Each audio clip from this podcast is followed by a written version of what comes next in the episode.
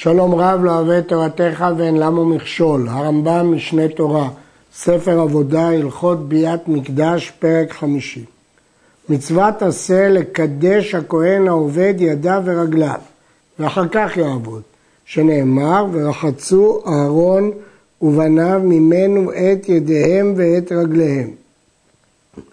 וכהן שעבד ולא קידש ידיו ורגליו, חייב מיתה בידי שמיים, שנאמר, ירחצו מים ולא ימותו, ועבודתו פסולה בין כהן אדיוט בין כהן גדול.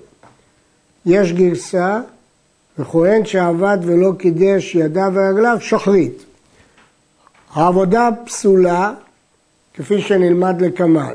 חייב מיתה בידי שמיים, מפורש הדבר בפסוק, ירחצו מים ולא ימותו. משמע שאם לא ירחצו, ימותו. ומניין שעבודתו פסולה, שנאמר חוקת עולם לא ולזרעו, ובבגדי כהונה הוא אומר חוקת עולם. יש גזרה שווה בין מכוסה בגדים לבין מי שלא קידש ידיים ורגליים. מה מחוסר בגדים מחלל עבודה? כמו שביארנו, אף מי שלא רחץ ידיו ורגליו מחלל עבודה. ומניין שמכוסה בגדים מחלל עבודה, רמב"ם הסביר בהלכות כלי המקדש, בגדי כהונה הופכים אותם לכהנים, אבל כשאין עליהם בגדי כהונה הם כמו זרים, וכמו שזר עבודתו פסולה, גם מכוסה בגדים עבודתו פסולה, ויש גזירה שווה למי שלא קידש ידיו ורגליו, שגם הוא עבודתו פסולה. אין הכהן צריך לקדש בין כל עבודה ועבודה, אלא פעם אחת מקדש בבוקר והולך ועובד כל היום כולו וכל הלילה. במקדש הלילה הולך אחר היום, ואם הוא קידש ידיו ורגליו בבוקר, הוא יכול להמשיך לעבוד ביום ובלילה. והוא, יש ארבעה תנאים, שלא יצא מן המקדש, ולא יישן, ולא יטיל מים, ולא יסיח דעתו. ואם עשה אחד מארבעתן, צריך לחזור ולקדש. בגמרא יש מחלוקת אם צריך שוב לקדש בלילה או לא. הרמב"ם פוסק, כמו רבי, שלא צריך לקדש בלילה, אבל למחרת צריך לקדש כפי שנלמד לקמן. יצא ואם עשה אחד מארבעתן צריך לחזור ולקדש. אם הוא יצא מהמקדש, או שישן, או שהטיל מים, או שהסיח דעתו, צריך לחזור ולקדש.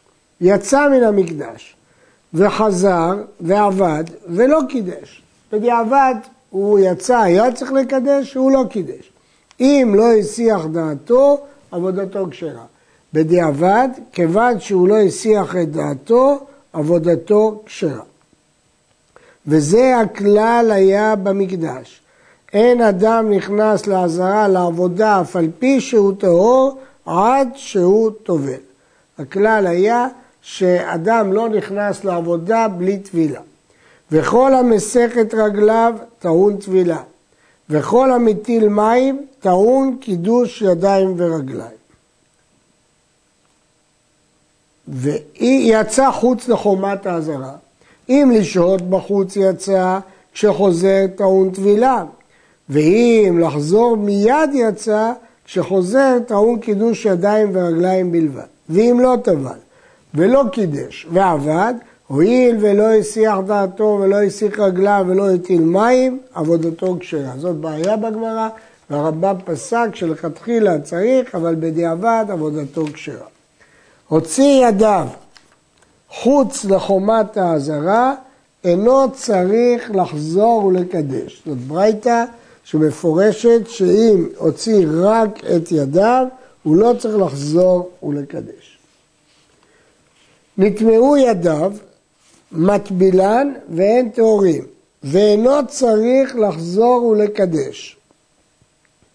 המנחת חינוך מאיר, ודע עד המבואר דנטמעו הידיים, אנו שנטמעו חוץ לעזרה, שנגע בדברים המטמאים את הידיים, אבל בפנים העזרה אין טומאת ידיים במקדש, כפי שהרמב"ם כותב בהלכות אבות הטומאה. מטבילם והם טהורים ואינו צריך לחזור ולקדש כי כל הטומאה הזאת זה דרבנן. נטמע גופו באכילת אוכלים טמאים או שתיית משקים טמאים וטבל, אף על פי שאינו צריך ערב שמש, חוזר ומקדש אחר טבילה, שכל טובל מקדש ידיו ורגליו ואחר כך עובד. ואם לא קידש, הואיל ולא הסיח דעתו, לא חילל. אם נטמע גופו טומאת דה רבנן, כגון שהוא אכל אוכלים טמאים או שתה משקים טמאים, הדין הוא שזה טומאה דה רבנן, צריך טבילה אבל לא ערב שמש. אבל סוף סוף, כיוון שצריך טבילה, צריך גם קידוש ידיים ורגליים. בדיעבד, אם לא קידש ידיו ורגליו, הוא לא חילל. כהן גדול, שלא טבל ולא קידש ידיו ורגליו בין בגדים לבגדים ובין עבודה לעבודה ביום הכיפורים, כהן גדול כל פעם שהחליף בגדים היה טובל ומקדש, עבד, עבודתו כשרה. הואיל ואותן הטבילות והקידושין אינם שווים בארון ובניו, שנאמר ורחצו ארון ובניו ממנו, דבר השווה בכל הכהנים מעכב, שהוא קידוש ראשון. רק הקידוש הראשון של הבוקר שווה בארון ובניו והוא מעכב, אבל הקידושים שבין החלפת בגדים הם קידושים מיוחדים לכהן גדול ולכן הם לא מעכבים.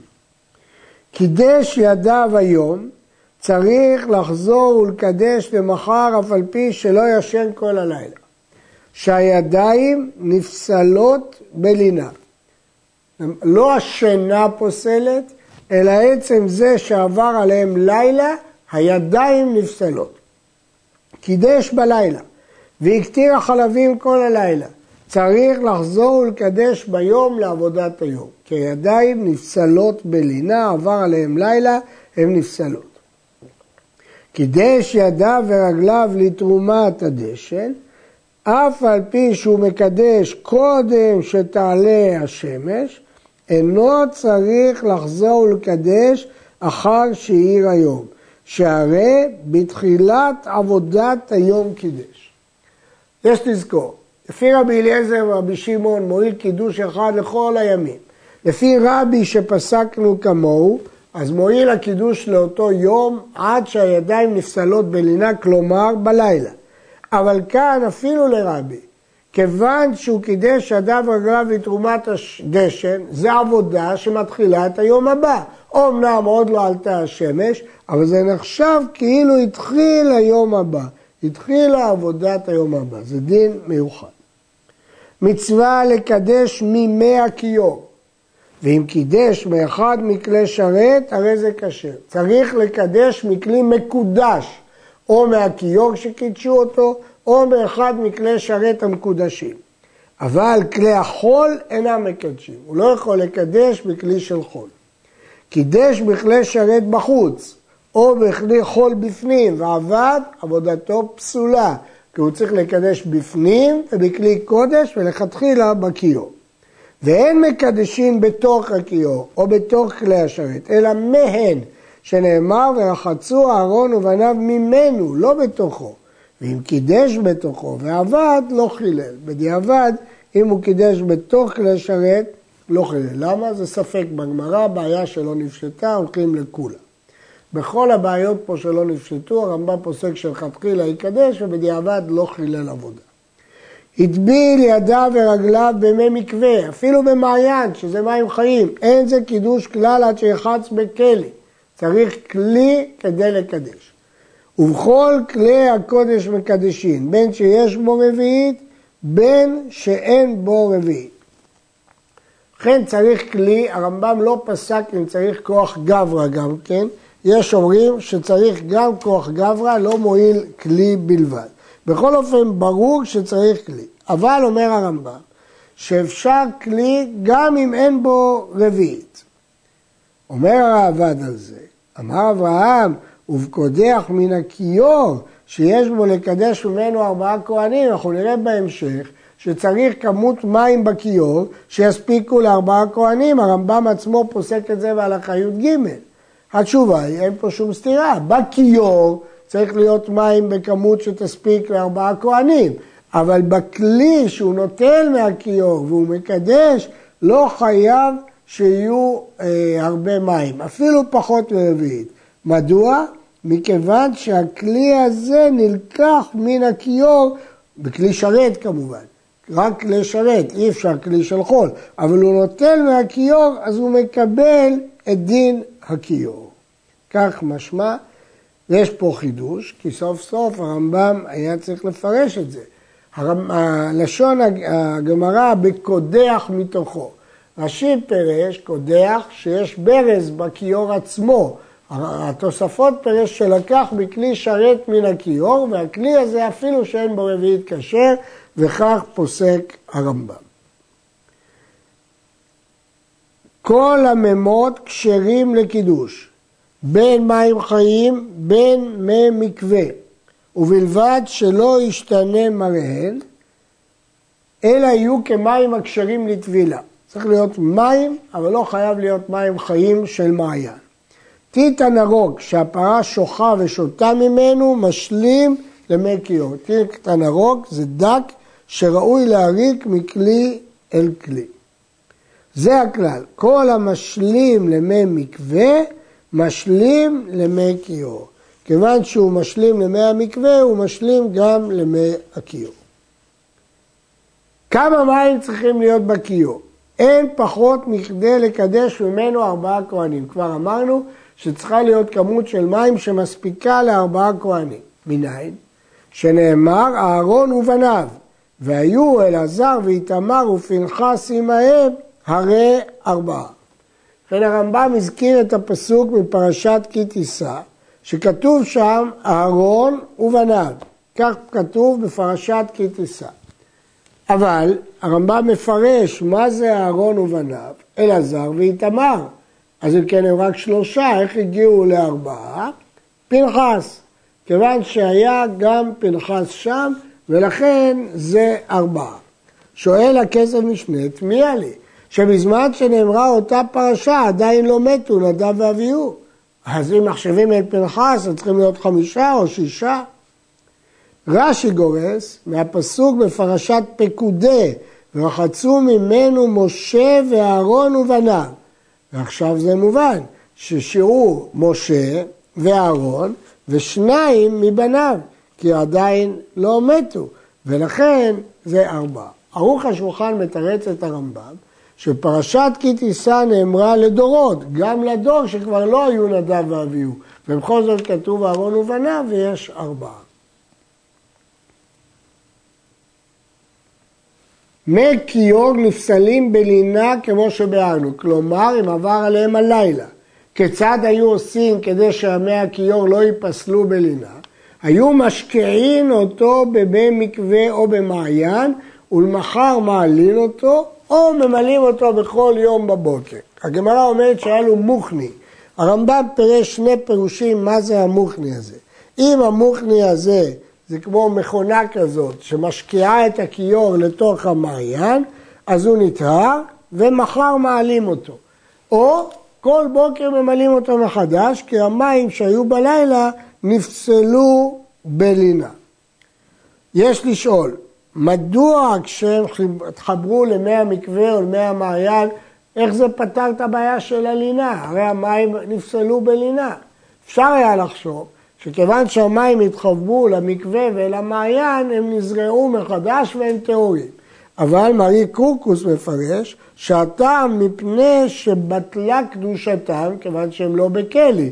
אמרנו שהקידוש צריך להיות דווקא מכלי, כיוון שהם ירדו למעיין, בטלה קדושתם. כיוון שבטלה קדושתם, הם לא נפסלים בלינה, כי רק מים בכלי שרת נפסלים בלינה. אומר מרי קורקוס, וזה ברור. לא שהמעיין או המקווה מטהרים. אלא שמפסיק להיות לזה דין של כלי שרת, כיוון שמפסיק להיות לזה דין של כלי שרת, אז לכן זה לא נפסל בלינה. הים שעשה שלמה כמקווה היה, מפני שאמה של מים הייתה עוברת בתוכו מעין עתם, ממעיין. לפיכך לא היו מימיו נפסלים בלינה כמי הכיור, וממנו היו ממלאים את הכיור. אם כן, זה היו מים ממעיין, אפילו שלא היו ממעיין, אם זה היה מקווה, זה גם היה מספיק. אבל לא נפסל בלינה. מדוע? מכיוון שזה לא בכלי שרת, ולכן ממנו ממלאים לכיור בכל יום. כיצד מצוות קידוש מניח ידו הימנית על גבי רגלו הימנית, וידו השמאלית על גבי רגלו השמאלית, ושוחה ומקדש. לפי הלשון של הרמב"ם, לכאורה משמע שהוא מניח יד על רגל ויד על רגל ורק אז שוחה ומקדש. ויש לשאול, אז איך הוא מקדש? איך הוא תופס את הכלי? אם נאמר שהוא פתח קודם את הברז של הכיור בקודח, זה מובן. אבל אם נאמר שהוא מילא בכלי, אז זו תנוחה מאוד קשה, איך הוא יכול לשים את היד הימנית על הרגל הימנית ולתפוס ביד הימנית את הכלי ולקדש. אלא אם כן נאמר שאחר קידש עליו. אבל הרמב"ם לא הזכיר את זה, וצריך עיון. וכל החוצץ בטבילה, חוצץ בקידוש ידיים ורגליים. ואינו מקדש כשהוא יושב, מפני שהיא כעבודה, ואין עבודה אלא מעומד, שנאמר לעמוד לשרת. וכל העובד והוא יושב, חילל, ועבודתו פסולה, ואינו לוקה, מפני שהזהרה שלו מכלל עשה, אין לאו, רק כתוב לעמוד, אז אין מלכות, אבל הוא עובר על העשה וחילל את העבודה, והעבודה פסולה, מפני שהוא אה, ישב העבודה פסולה. מניין שאם הוא ישב העבודה פסולה. גמרא, הגמרא לומדת את זה מפסוק שהעבודה פסולה, אבל מלקות אין. וכן כל העוסק בעבודה מעבודות המקדש צריך שיהיה עומד על הרצפה ואם היה דבר חוצץ בינו ובין הקרקע כגון שעמד על גבי כלים או בהמה על רגלי חברו, פסל. וכן אם היה חוצץ בין ידו ובין הכלי שעובד בו, פסל. חייב לעמוד על הרצפה ואסור שתהיה חציצה בינו לבין הכלי שהוא תופס. ואין עבודה אלא בימין, ואם עבודה בשמאל, פסל ואינו לוקה. הדין של עבודה תמיד היא בימין. מאיפה לומדים את זה? כתוב באצבע ולקח, מלמד שהקבלה תהיה בימין. לאצבע ונתן, מלמד שהנתינה תהיה בימין. רגלו אחת על הכלי ורגלו אחת על הרצפה, רגלו אחת על האבן ורגלו אחת על הרצפה, רואים, כל שאילו יינטל הכלי או האבן, יכול לעמוד על רגלו אחת, עבודתו כשרה, ואם לאו, עבודתו פסולה. קיבל בימין ושמאל מסייעתו, עבודתו כשרה. שהמסייע אין משגיחים עליו. הגמרא בפרק המצניע, מסכת שבת, אומרת מסייע אין בו ממש.